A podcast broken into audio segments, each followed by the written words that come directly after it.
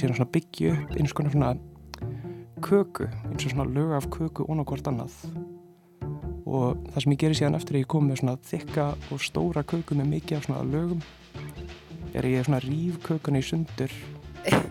Ef ég festi mig einhver staðar vegna þess að krísugulegin er illa mókuð eða það er mikil hálka í brekkunum þar þá, þá er ég bara först Þá erum við að sjálfsögða að tala um UXA 95 sem haldinn var við kirkjubæklustur um Vestlunumanahelgina 1995. Uh, hún náttúrulega bara bröð fullt af ísum, múrum og, og er svona kannski það sem við getum sagt fyrsta íslenska alþjóðlega tónlistarháttíðin. Krísuvíkurleiðin, Secret Solstice og Hafnarhás í Mengi. Ég heiti Bjarni Daniel. Og ég heiti Lóabjörg Björnstóttir og þetta er Lestin 31. januar.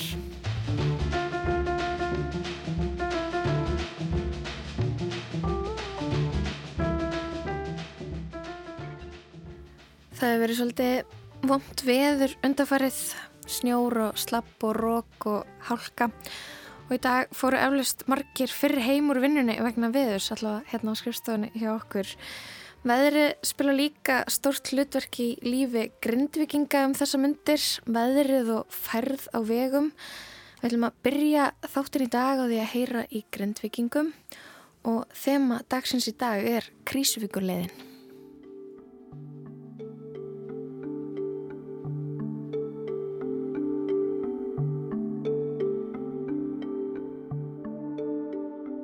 Ég, og segja, á amal í dag, þetta hefur ekki verið skemmtilegast amalistagarum minn. Og nú ætla ég að fara heim innan gesalappa og ná jólagjöfuna mína frá sýstu minni. Nei, frá konu minni, ég fekk, fekk svipaðar gæfir frá þeim báðum. Og hella í glas og slaka á. Þú veist, þetta er ekki þetta er ekki uh, sustainable hvað heitir það á íslensku sjálfbært. Það er mándagur ég fór með dótti mína í sapskólan í morgun.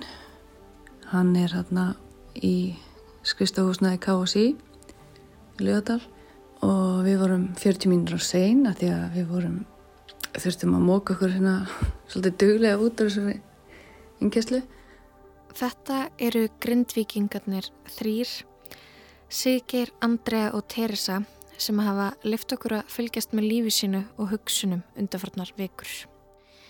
Í dag er 31. januar og það eru 82 dagar liðinir frá því að Grindavíkubær var rindur og neyðarst í almannavarna líst yfir. 44 dagar síðan eldgós hófst millir sílingarfells og hagafells 17 dagar síðan að ný sprunga opnaðist nált hagafelli og önnur minni innan varnagarðana, alveg upp við byggðina í Grindavík og hraunrensli eiðilaði að minnstakosti þrjú hús í bænum. 82 dagar af óvissu. Þetta er Teresa Byrna Björnsdóttir. Hún hefur búið í þingkoltunum síðan að Grindavík var rýmt. Á mánudaginn skuttlaði hún dóttur sinni í skólan þegar ég kom með hann og þangað þá voru byrjar íþróttir sem er í kjallarannum á KSI húsnaðinu það er svo flottur langur salur og ég lappa með hann inn og tek eftir svona sprungu í flísanum alla leið að hurðinni. Og ég hugsa strax allir séu örugetna þetta bara kemur með manni allstað sem að fer. Ef maður sér eitthvað svona smá dælt í veginu þá maður bara allir þessi jarsi hérna bara á laugavegi. Dótti mín var um þetta í hérna sagði mér hún að hefði verið skólan á förstu daginn í hérna, ofsæðveðrinu og það hristist og svakalega gluggarnir á hæðin því það er svo hátt uppi. Hún sagði mér að það hefði allir krakkarnir verið mjög hrættir en hún var samt eina sem fór að gráta. Greið hún er bara eins og sært dýr. Hún segist það var sagt í kennara sinn okkur getur við ekki bara farið á hún í kjallara þar sem við erum örug Æ, þetta er nú meiri dagurinn. Það er svona 29. januar kortir í 11 ég á amal í dag og ég er búinn að eigða þessum degi í óvísu og byð og að fara til Grindavíkur. Þá fá allir aðgang uh, núna á næstu dögum.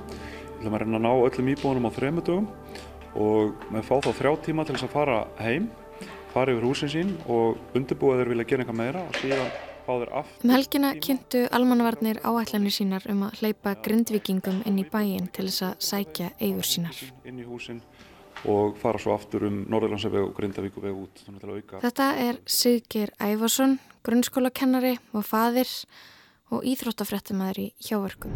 Og það fór náttúrulega allt á hliðina. Fólk náttúrulega óviðbúið því að fara heim til þess að væntalega tæma heimili sín, langt flestir. Tæma eða ná í minnst að kosti mikið af búslóðinni til að geta búið einhverjar annar staðar. Því að nú er það bara þannig að fólk er búið að átta sig á því að það er ekki að fara búið grindaðuga næstunni. Þegar ég hef flutt í lífinu hinga til, þá hef ég tekið marga, marga daga í það að pakka niður og skipulegja til þess að sé sem auðveldast að flytja. Nú er verið að gefa okkur einhverja 6 klukkutíma í þessari viku og hver veit hvernig þetta verður í næstu viku eða þar næstu viku, við hefum ekki hugmynd.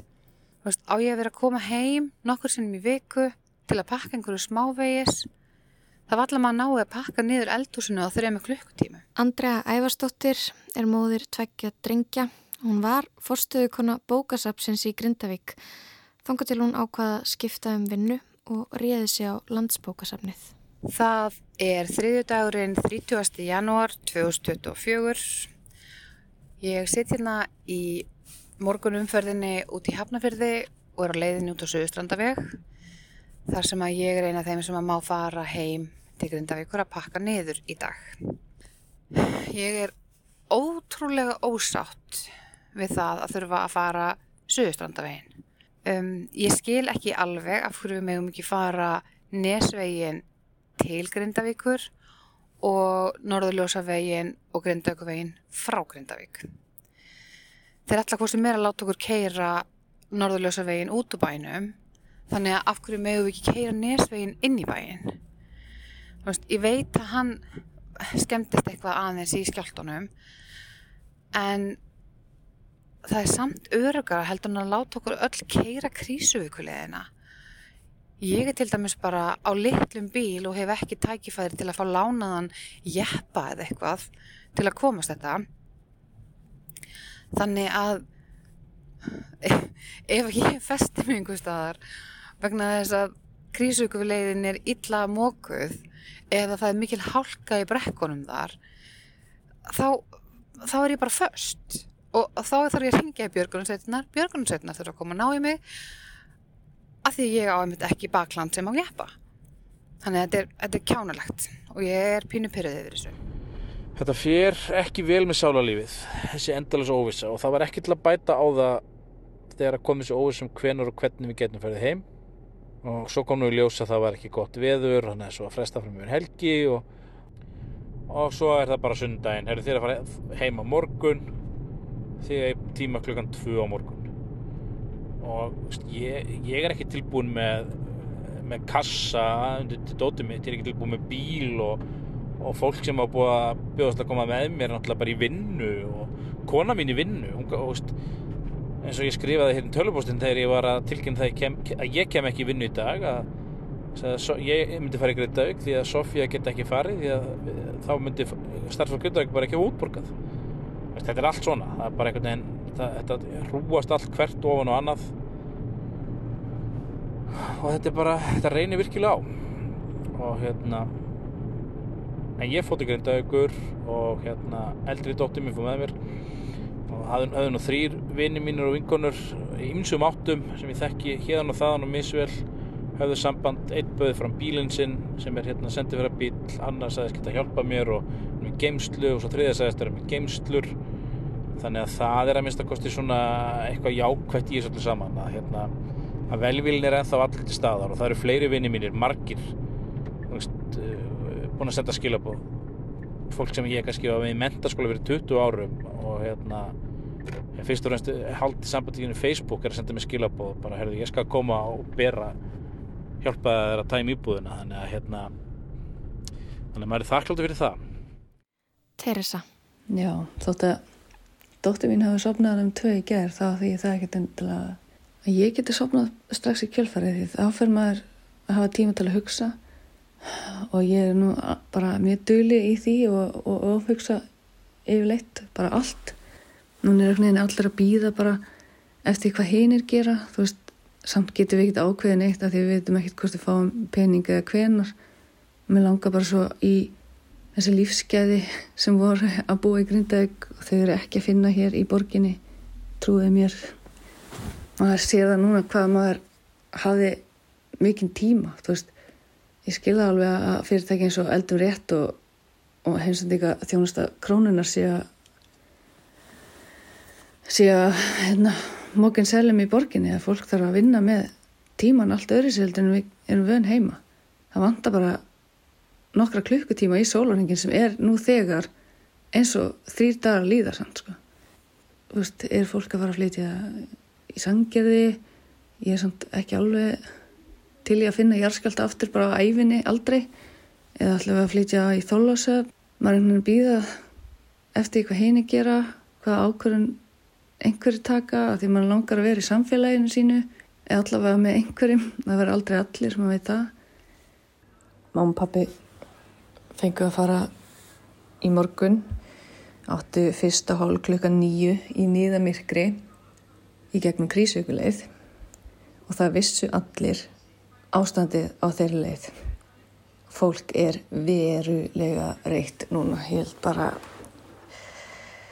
maður heldur alltaf að toppi sig reyðin hjá fólki en já, gerðaðurinn fór ekki vel í fólk. Og pappi þurfti að snúa við. Þau eru átt, áttræð, pappi er áttræður mamma er syngri en þú veist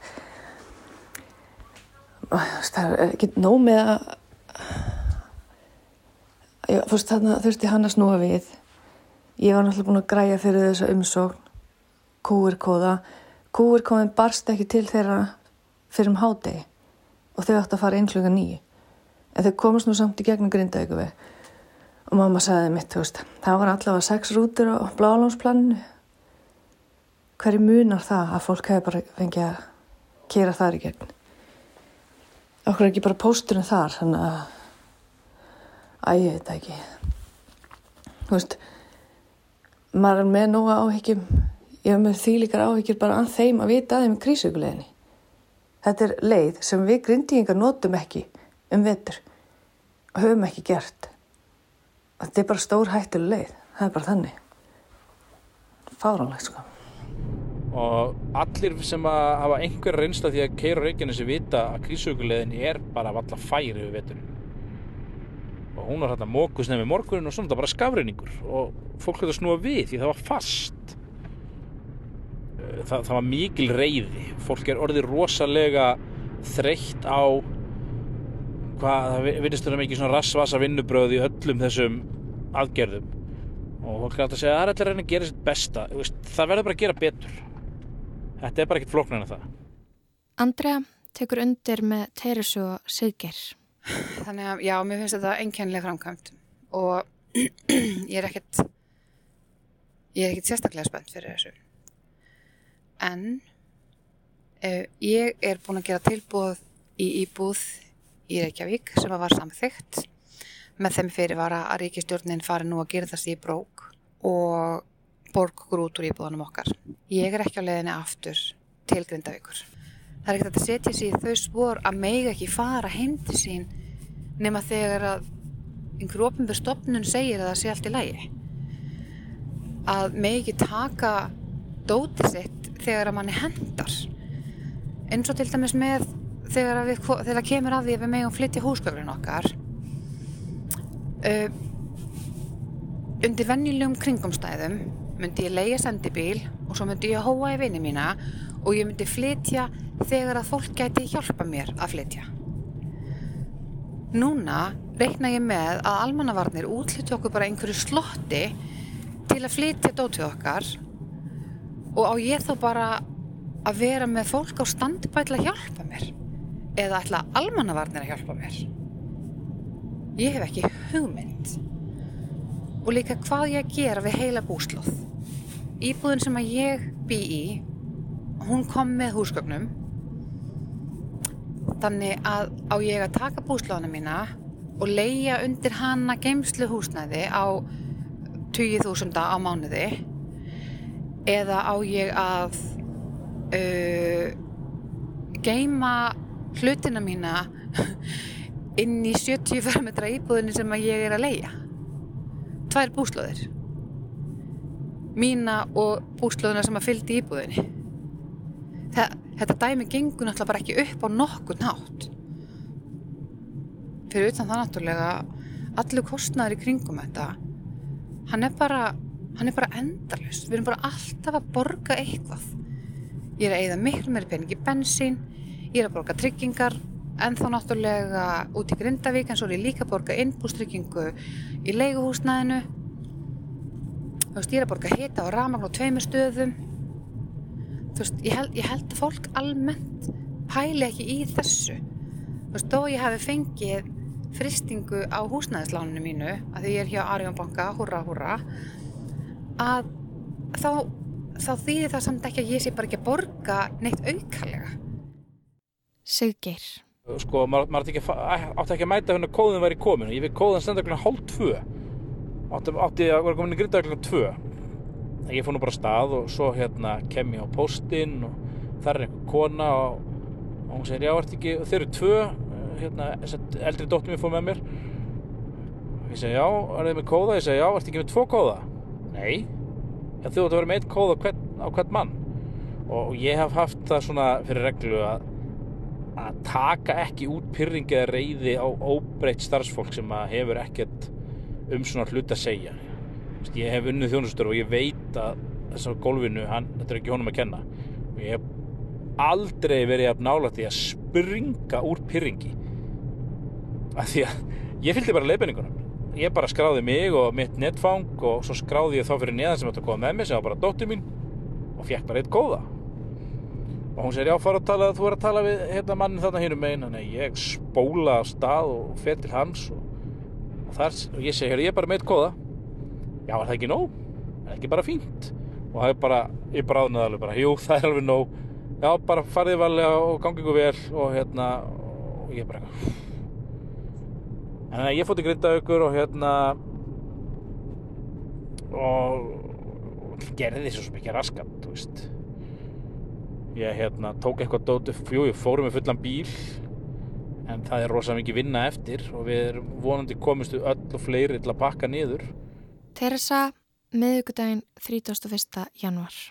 Já, við fórum í Grindavík í gær gekk mjög brösulega og þurftum að fara mjög hægt yfir krísauku leiðina ég fekk hérna vinminn til að keira og pappi ætlaði að keira hann svo bara treysti ég ekki honum til þess þannig að ég fekk vinminn til að keira því ég treysti mér ekki til að keira hann veg á bíl sem að ég þekk ekki og er ekki á nöglum. En við vorum komin að lókanapostinum klukkan fjögur við mátti að vera komin klukkan tvö uh, en við þurftum svo sem ekki neitt langan tíma vorum ekki að taka eitthvað stóra hluti. Ég var gæti ekki sofið á henni fór svona hugsunin að ég er ekki búin að fara svo ógíslega lengi var bara eitthvað á þetta áttur að vera svo erfitt þú veist. Búið að búa manni undir að alltaf versta. Og auðvitað var erfitt og skrítið að sjá nýja sigdalinn, þú veist maður keir bara niður brekku þegar maður fer austuveg inn í bæinn sem sagt frá söðustrandavegi einhvern veginn sér maður alveg ennþá eins og salthúsið veitingastæðin sem Angela er að vinna á hann breytist bara í hvert skipti. Hann, það er bara er ekki hægt að lýsa þessu. Ég vildi að væri til myndir eða væri myndavel á hann bara frá upphafi hvernig salthúsið er að hreyfast. Það er bara einn og hálfa metr upp aftan og svo bara í allar áttir veginn. Jæja, það er miðugdagur 31. janúar, klukkan er þrjú, tveir dagar síðan að ég eitti amalasteginu mín með Grindavík.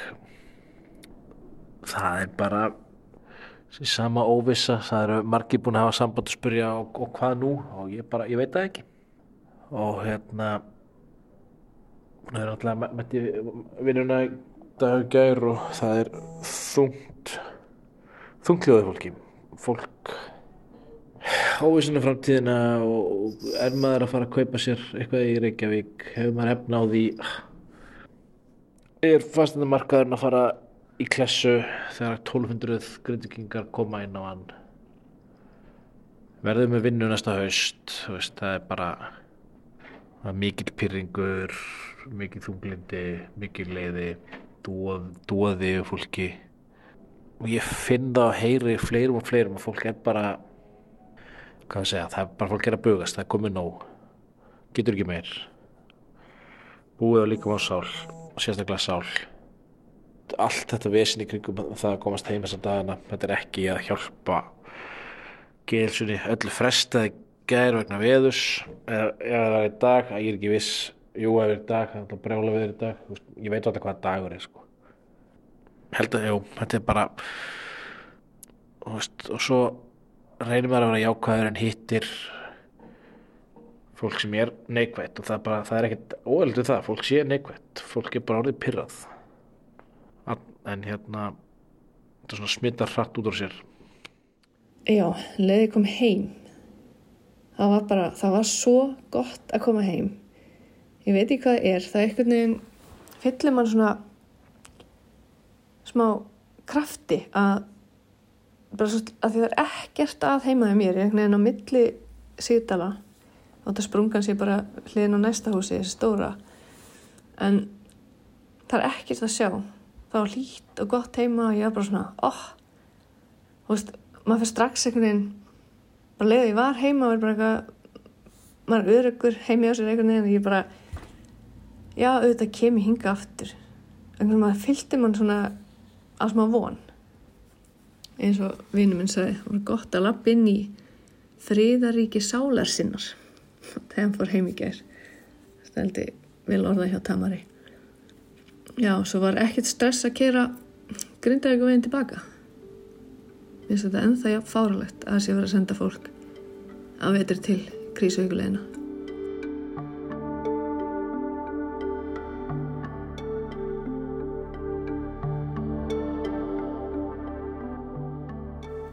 Þarna heyrðum við í þeim Sigeri Ævarsinni, Andru Ævarsdóttur og Teresu Byrnu Björsdóttur, Teresu Bángsa. Grindvingingarnir sem hafa verið að lefa okkur að fylgjast með lífísinu í lastinni undanfarnar vikur. Ó já, en næst ætlum við að uh, heyra hljóðið í Sævari Andra Sigurðarsinni. Hann hefur verið að skrifa pislað fyrir okkur hér í lestinni undanfarið og svona verið að pæla í ymsu tengdu tónlist. Núna undanfarið er hann búin að vera að velta fyrir sér tónlistráttinni Secret Solstice og Dómsmáli. How much do you miss moments like this?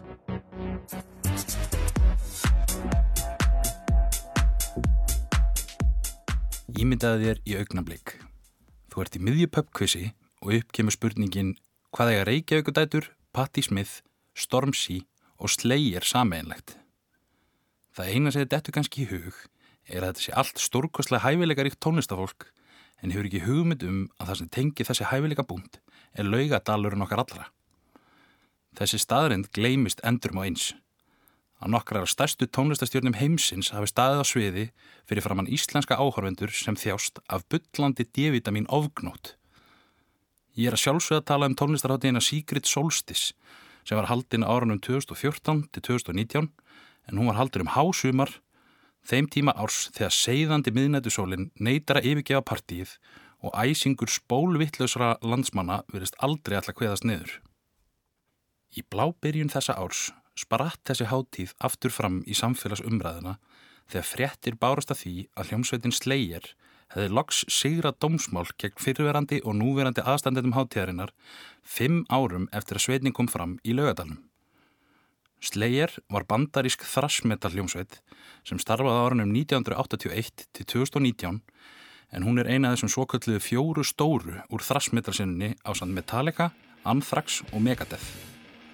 Einkennist þessi tónlistastefna af hröðum takti og þungum hljóðheim.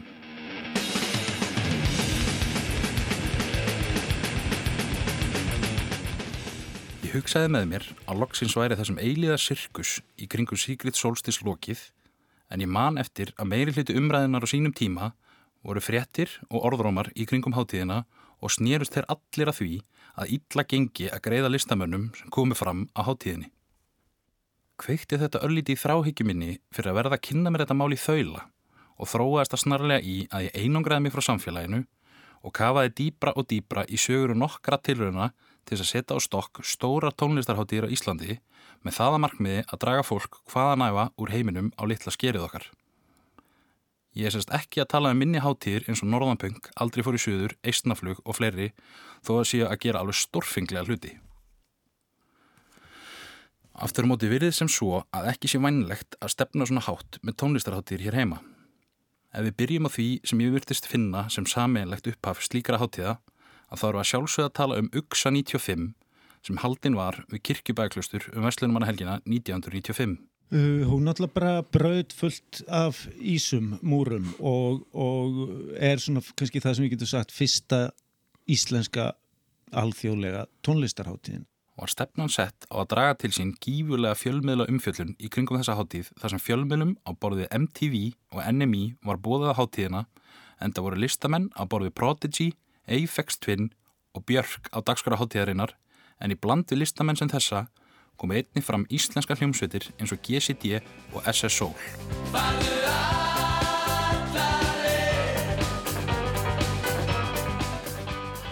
Reiknuðu aðstandendur háttíðarinnar með að hátt í 15.000 manns myndi vera háttíðinni. Með öðrum orðum, marki var sett ansi hátt en í raun varð ansi fátt af því sem spáð hafi verið. Yngungu mættu á bylunu fjögur til 5.000 einstaklingar á háttíðina og var talsvert um teknileg vandamál í kringum marga tónleikana. Það sem öllum líkindum orsakaði það hver fáir mættu var umfjöldun innendra fjölmiðla um háttíðina en því var haldið fram að þetta er eitulifja háttíð. Hálkir sódóma, það segði sér raftónlist veri mjög eitulifja væn. Það var eitulifja háttíðin og kirkjubæðaklaustri sem að allir fjölmiðlar gripu á lofti og við vorum bara teknir og grillaðir og í þessu brefi sko þá var feilletrað og, og, og langstæsta sem þú sást það var bara eins og Fossit Íslands frú Veitis Finnbóðadóttir hafi verið að vara við þessari stórhættulu eitulifja háttíð og kirkjubæðaklaustri. Fór það svo að háttíðin var aldrei haldin aftur en þessi frumburður Íslendinga í alþjóðlegum tónlistarháttíðum hljómar nokk góður. Grunnurinn klálega lagður fyrir framtíðarháttíðir og ef ég ekki verið fastur í móðurkviði í ágúst 95 hefði ég lagt leið mín að rakleiðis á auksan. Fyrir utan örfáar minni háttíðir þá virðist ekki hafa verið mikið um jafn stóra draumóra næstu átjan árin eða þar til að hérna magnaða ári 2013. Ekki nóg með að raf tónlistarháttíðin Sónar Reykjavík hafa verið haldin með pompi og prakt í hörpunni í februar 2013 heldur var einni kynntilegsháttíðin All Tomorrow's Parties Iceland sem haldin var í Keflavík sama sumar. Ega báðar háttíðinar að sameilegt að vera hluti af keðjum sem heldur alþjóðlegar tónlistarháttíðir um allan heim og ákvaða að láta slagstanda og reyna fyrir sér hér hjá okkur eigaskekkjun.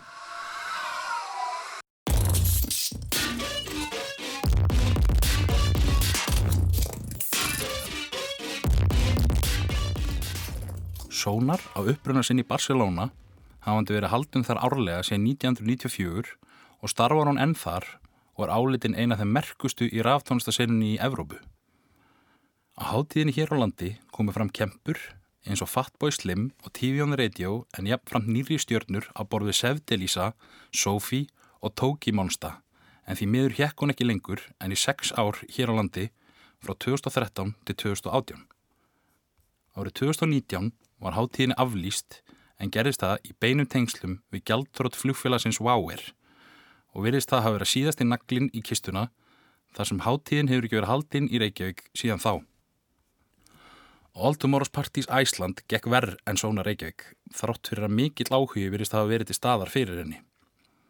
ATP, eins og hún var gerðnum kölluð, var upprunnin frá London þar sem hún var haldinn fyrst árið 1999 var hugmyndafræði hátíðarinnar er varðaði bókun tónlistafólks, nokkuð sérstæð, en hátíðnar voru undir listrætni stjórn frækst listafólks. Til dæmis voru bókanir fyrstu hátíðarinnar í London stýriðar af hljómsveitinni Bell and Sebastian, en merkilegt þótti mér að ein átíðin verist hafa verið undir stjórn Matt Groening, skapara Simpsons fjölskyldunar. Færði hátíðin okkur Íslendingum stórstjórnur eins og Iggy Pop, Nick Cave og Portishead. En líkt og með Sóna Reykjavík þá var ekki mikil von fyrir þessa hátíð en hún var haldin í þrjú ár 2013, 2014 og 2015 og loks aflýst 2016. höfðu svipu teikn verið á lofti og hjá Secret Solstice en hátíðin átti erfileikum með greiða listafólkinu sem kom fram og byrjaði því fólk að draga sig úr leik og neyta þáttöku. Endaði allt heila alþjóðaklappið í ræsinu sögum fjárhagsvandraða fyrirtækisins sem helt utanum ATP um allan heim og hefur ekki spurst til hátíðana síðan þá. Sinister minister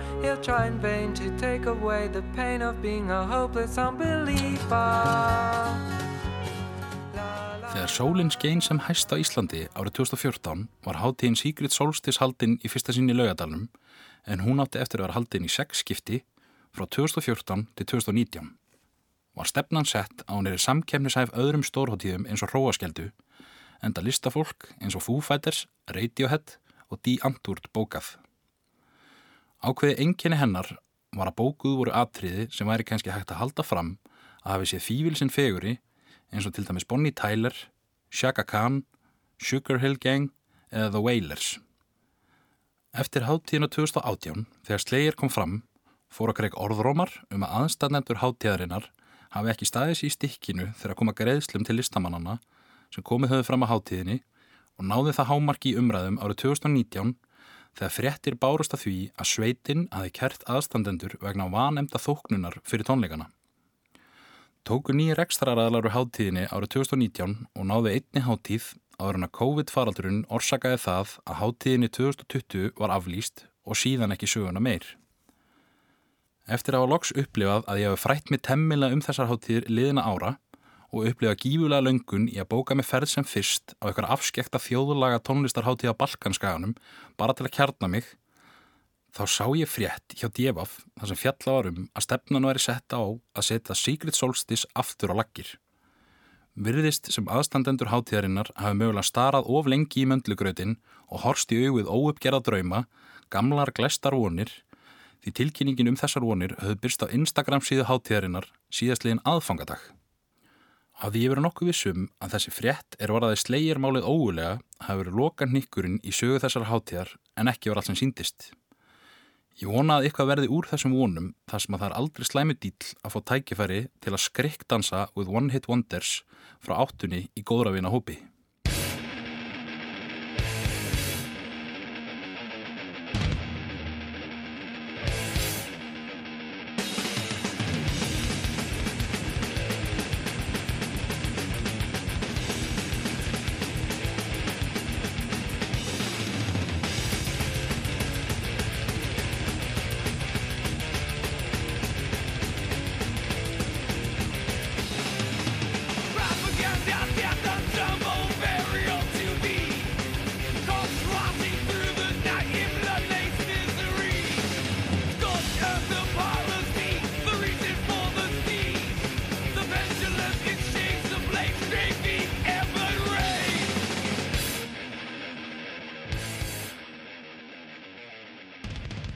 Hljómsveitin Slayer flyttur okkur lægið War Ensemble huguleg tónar í, í tilfum dagsins. Sævar Andri Sigurðarsson var að velta fyrir sér tónlistarháttíðinni Secret Solstice og í kjölfarið öðrum alþjóðlegum tónlistarháttíðum sem haldnar hafa verið hér á landi undanfarin 30 ár tefla. Við ætlum að halda áfram að huga tónlistina í lastin í dag. Eh, Bjarni Daniel fór nýri bæ.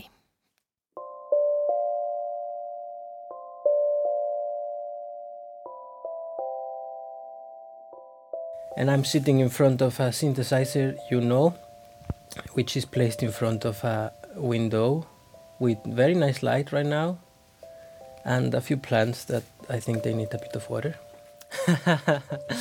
Maybe a bit of light this time of year. A bit of light, yeah. Uh, don't we all?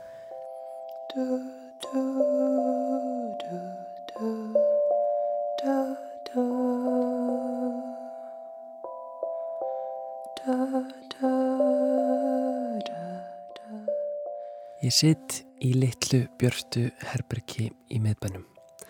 Þetta er upptökustúdjó nánar til tekið og þó það sé ekki mjög rúmt þá er stemningin hérna nokkuð huguleg. Einn vekkurinn er þakin hlýlega sinnefskulum glukkatjöldum sem veita bæði næði og hjálpa til með hljóðvistina. Upp við vekkinn er svo lítið gamalt piano sem hefur verið opnað upp á gátt svo strengir og slaghamrar blasa við. Innst í rýminu er fallegt skrifbór með tölvurskjá og vekkirnir eru flestir þaktir málverkum af öllum stærðum og gerðum. Nefna reyndar hægra megin við skrifbórðið. Þar hangir stór svartkvít ljósmynd af John Lennon sem setur þar makindarlega við væglegan kvítan flíil umkringtur hljóðnumum. Ég er ekki einn í þessu herbergi, með mér er maður að nafni Jose Luis Andersson. Þetta er vinnuðastaða hans og hljóðverð. Við fáum okkur kaffi saman.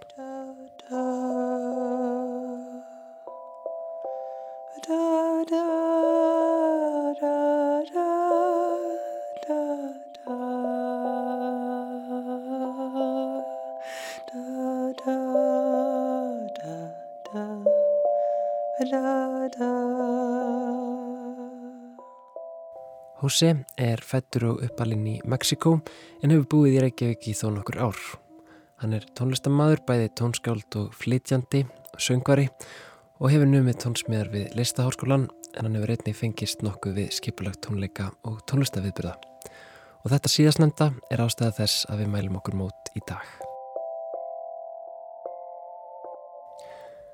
Svo þar sé tekið fram þá er þetta stúdjó sem við setjum í á fjóruðu hæð í Hafnarhúsinu við Tryggvagötu rýmið er hluti af verkefninu Hafnar House en það er nokkur stór félagskapur listafólks af öllum greinum sem stendur á bakvið það. Bráðum verður liðið eitt og hálft ár frá því að þau opnuðu fjöldanallan af vinnurýmum og stúdjóm á efrihæðum Hafnarhúsins í húsnæði sem áður hýsti ráðuneytis skrifstofur. Hósi er þessa dagana önnum kafin við skipurlagningu og framkvæmt tónleikaraðar sem nefnist Hafnar Concert Series og fer fram á tónleikastæðnum mengi við Óðinskutu. Very welcome. Ég byrða hann að segja mig betur frá þessu. you, yeah. Hafnar House is uh, it's an initiative that has been growing a lot, so it has become in a very vibrant, wonderful community, and it's there are a lot of musicians and people that have acts of their own, uh, just willing to perform. So it all started because I organized a big concert at Goikurin before the year was over last last year, and people were just really happy and excited to come together and and play together and um, just like put on a program showing everybody's uh, work. So we did it uh, for the house, but of course open to the public. And then the response was was so good, and people were left wanting more that we decided to organize a concert series. It is not only people from the house. It's um, of course a lot of people from the house, but I wanted to keep it open and to, as I think it should be. I think institutions should be very open and and welcoming, and just like let's try to give space to as many people as we can. And uh, so there is that. Skömmu fyrir jól skipulaði hósi tónleika á Gauknum sem er nú bara hínum einu götuna þann sem við setjum nú og spjöllum þar sem hópur tónlistafólk sem vinnur í húsinu kom fram. Viðtökurnar, segir hósi, voru mjög jákvæðar og í kjölfarið fættist svo hugmynd að endur taka leikin aftur og aftur með tónleikaröð. Með dagskráni í Hafnar Concert Series er lögð sérstök áhersla á þá fjölbreyttu flóru tónlistafólk sem tilherir Hafnar House samfélaginu en Hósi finnst samt sem aður mikilvægt að halda þessu opnu Hann vilji nýta tónleikaröðina sem vettfang fyrir eins mörg og hægt er. Samstagsæðali Hóses í þessu verkefni er tónleikastæðurinn Mengi sem skaffar húsnæði og tækjakost. This, uh, this concert series happens as well as a collaboration between Havnar House and Mengi in an, uh, with the intention of uh, reinforcing or strengthening local venues that, that seem to be struggling a lot And yeah, we have booked uh, concerts until the 15th of March or the 21st of March, I think. We are, the last one is, we are still looking at it. Um helgina fara fram fjórðu og fymtu tónleikarnir í rauðinni en dagskráin verður nokkuð regluleg næstu vikur og stendur fram yfir miðjan mars.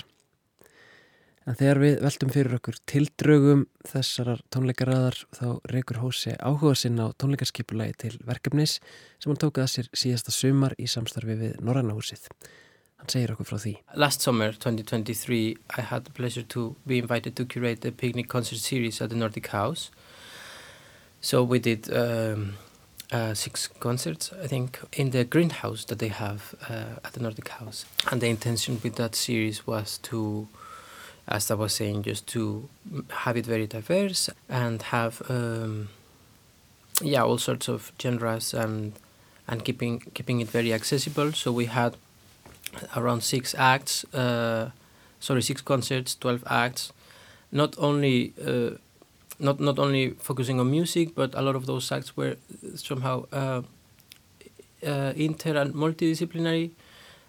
That was really interesting. We had some people working with sound in, in exhibitions or small installations and a concert, and you know, so actually we can we can track this initiative since that moment because I liked it very much and a lot of people uh, wanted to take part. Unfortunately, there was a defined budget, so from since that moment it was like okay, let's do let's do more of these so that we can invite more people, you know, and uh, so then uh, this Hauner House possibility happened, and I was very happy to take it because of that because uh, just I think there is a lot of uh, will to be playing and to you know coming together and making music together. So this is just a great opportunity to do that. Picnic nefnist tónleikaröðin sem hósi skipulagði í gróðurhúsinu við Norrannahúsið síðasta sumar. Það sem tólf listamenn komið fram á sex viðburðum yfir sumarið. Markmiðans með þessu var að skipulegja fjölbreytta dagskráð þar sem margar ólíka rattir fengju tækifæri til að láta í sér heyra. Þetta segir Hósi að hafi vakið mikinn áhuga í kringumann og færri hafi komist að en vildu. Þetta hafi raun verið kveikjana að Hafnarháls tónleikaröðinni að búa til rými fyrir enn fleiri rattir. En nú byrð ég Hósi að segja mér frá næsta viðburði í seríunni. The next event is happening on Friday and it's the fourth concert of the series. and it happens uh, again on Saturday. So on Friday we have a double program with Ronya and Nakert, aka Ida, Ida Schuftenjul, and um, and I'm very excited by that program. Uh, I I would very much like to invite everybody to come. Uh, I think it's Ida is uh, revealing a new project. If not for the first time, is one of the first times that she's gonna uh, perform it and Ronya, of course, Ronya is is, a, is wonderful. Uh, oh, and on Saturday we have Oyama and Posimiste. Posimiste, they are in the house. They are part of Havnar House, as as Ida is. And uh, Oyama is a is a pop band. So on Friday we have a bit of uh, more experimental uh, noise, industrial. Um, Yeah, but still kind of a little bit dancey electronic stuff. Yeah, uh, electronic and and even a bit pop. And then on Saturday we have as well electronic uh, pop, but with a different with a different twist. It is a non-profit initiative from a non-profit organization. So uh, yeah, just please come and you're gonna you're gonna enjoy it. It is a great time in a wonderful community, very supportive and very safe, um, pleasing space to be, to be in.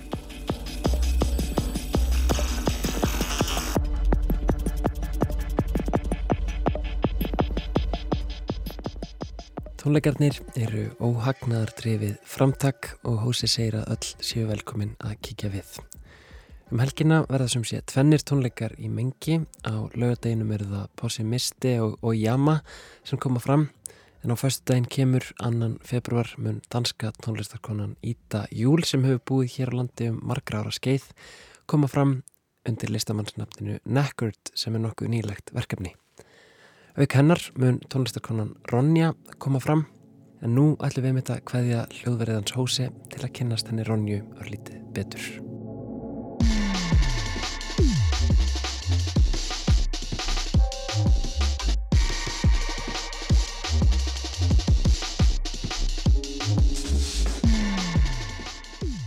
Ronja Jóhansdóttir hefur verið leiðandi fíkura í tilrauna kendari kemum raftónlistarsenunar í Reykjavík undanfærin ár og meðal annars getur sér gott orð sem meðlemur hljómsveita á borfið MC Miasnói og Grafik Futunari. Hösti 2022 gaf Ronja út sína fyrstu soloplötu á vegum listasamlagsins Póstreifingar, plötuna 000000 og í ágúst síðastlinnum leitt önnur soloplata hennar dagsins ljós í þetta skipti var útgafan í höndum Heavy Knife Records. Svo er hansi mögnuð, sundurtætt og afbyggt tilrunapopp af allra bestu gerð. Mér hefur þó aldrei tekist að finna út úr því hvernig titill plötunar er borin fram. Abyss 0 P3 Lagik Nei, örglega ekki.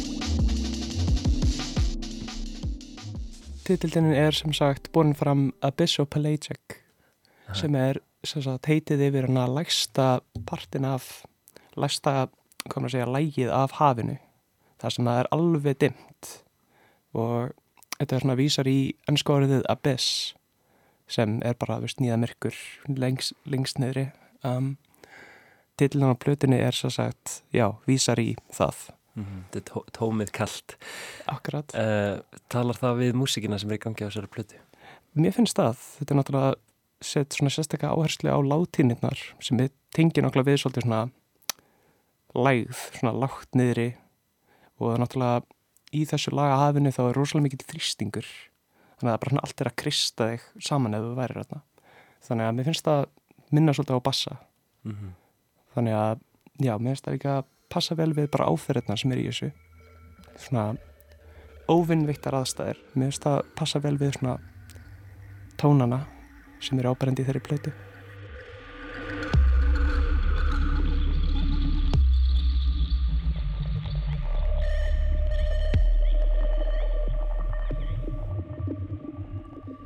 Ég byrði Ronju að segja mér frá lagarsmíða og framleiðslu ferlunum sem liggjað baki músikinni á þessari plötu. Hvernig ég finna þetta yfirleitt er að ég byrja með kannski bara eitthvað eitt hljóð sem ég síðan teki gegnum svona ferli til þess að umbreyta því og um, já, svona afbaka það. Síðan fer ég að bæta öðru lægi ofan á það sem svona leikur með því og þá er það yfirleitt annar hljóð sem ég afbaka á annan hátt og síðan svona byggja upp eins konar svona köku, eins og svona lög af köku og hvort annað og það sem ég gerir síðan eftir að ég kom með svona þykka og stóra köku með mikið af svona lögum.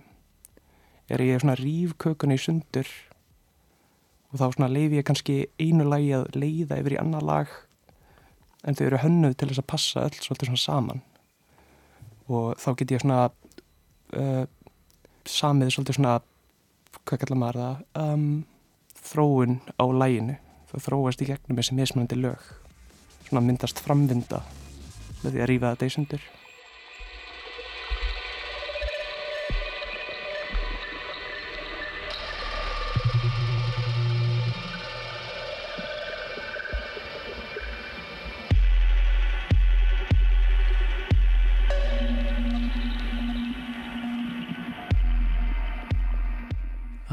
Laugadaginn var kom Ronja fram á tónleikum í plötubúð Smekkleysu við hverfiskötu á svokalluðu mánakvöldi sem Björk Guðmundsdóttir skipulegur reglulega í kringum fullt tungl. Á þessum tiltekna viðburði kom fram skemmtilegur samtinningur af reikvískri græsótar tónlist en það sem vakti kannski mesta aðtikli voru DJ-sett Bjarkar annars vegar og venezuelsku tónlistakonunar Arka hins vegar. Ég spyr Ronju út í þetta. Þetta var ótrúlega skemmtilegur viðbyrður og líka þetta ótrúlega flotta rýmið átni í smekkleysu. Ó, ótrúlega flott viðbæting við, við hana, Reykjavíkur, svona, já, svona tónlistarheimin sem rými uh, og þetta var bara ógeðslega skemmtilegt, um, já, ótrúlega skemmtilegir tónleikar, náttúrulega magnað settið hennar bjargar og Arka, ég hef aldrei séð neitt DJ eins og hún var að DJ, þetta var þetta eiginlega erfitt að lýsa. Hún svona spilaði á DJ-borðið. Bara svona hún var bara spamma Q-tökkum og eitthvað, ég aldrei séð neitt annað eins. Útrúlega flott. Þú voru að vinna með þetta bara eins og hljóðfæri. Akkurat, Já. akkurat, alveg magnað. Ég mynda mér einhvern veginn að því að því Arka er svo ótrúlega sko stórt nafn í, í þessu eða sérst framalega bara á einhvern veginn alþjóðlega sviðinu þegar kemur að sko uh, framsækinni raftónlist, þú veist, ég, ég mynda mér einhvern veginn hljóta að vera fyrirmynd að einhverju leiti fyrir það sem þú ert að gera, hvernig er einhvern veginn að, að hitta þessa, þessa mannesku og einhvern veginn deila sviði? Það var alveg magnað og algjör heiður, ég er náttúrulega búin að vera að hlusta á hana síðan ég var bara já, bara ég er búin að hlusta á hana hvað lítur að vera næst í 8-9 ár. Þannig að það er alveg algjör heiður að fá að deila viðbyrð með henni. Mm. Algjör fyrirmyndi að kemur á svona tilrauna framsæknir í svona ráftónlist allavega fyrir mér þannig að já, magnaði að fá að sjá hann að spila mm -hmm. Það er eitthvað hitt hann, talar eitthvað við hana? Já, ég spilaði eitthvað smá við hann eftir á Hvernig var það? Bara smá surreal en já, bara ótrúlega gaman að fá að kynast henni mm -hmm. Sko, já, ef við tölum aðeins um þessar tónleikar sem eru framöndan hérna í, í mengi núna á fyrstdægin getur þú talað okkur aðeins í gegnum hvað er að fara að gerast þar? Um, það sem ég er að fara að spila eh, er að fara að vera svolítið svona tilrauna ráftónlist fyrir ekkar en þetta svona taktfasta sem ég er búin að vera að semja upp á síðkastið. Þetta mun svipa meiri áttina að fyrstu plötinu minni. Uh, 0, 0, 0, 0, 0, 0. En ég ætla að vera með svona meiri áherslu á tilrunarljóð, áferðir og svona þess áttar tónsmíðar aðferðir. Og svo spilar þarna líka með uh, Neckard sem er nýtt verkefni uh, danskra tónlistakon sem heitir Íta júl. Uh, veistu eitthvað um það? Þú veist, er, hefur eitthvað hirt, af því? Já, algjörlega. Ég spilaði þannig að útgáða tónleika með henni nefnilega og þá tók hún Neckard set mér finnst það alveg magnað hún er svo flink tónlistakona þannig að bara ógeðslega spennt að fá að spila með henni aftur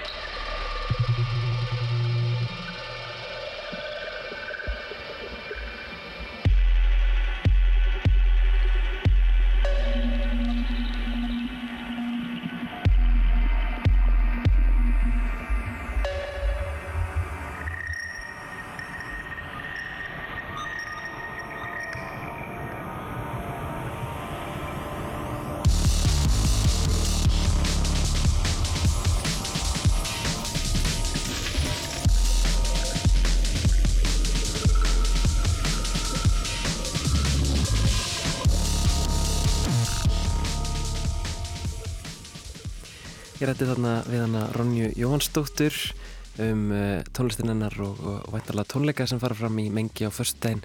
Þessi tónleikar eru hluti af Hafnarhás tónleikaröðinni sem Hose Lewis Andersson stendur fyrir. Ég rætti líka við hann í þessu inslægi og uh, ég ætlaði að koma því að að hann uh, gefur tónlistundir nefninu Andervel og eru að fara að gefa út nýja tónlist í februar á samt færiskum tónlistandamanni að nefni Vinjar Pettersen. Þannig að já. Það er mjög spennandi. Algjörlega. Það komið að leðilegum í lestin í dag. Um, Þátturum verður ekki mikið lengri við Bjarni Daniel og Lofabjörg þakkum kærlega fyrir samfélgina. Teknum var í dag var Lítiða Greitastóttir. Sæl.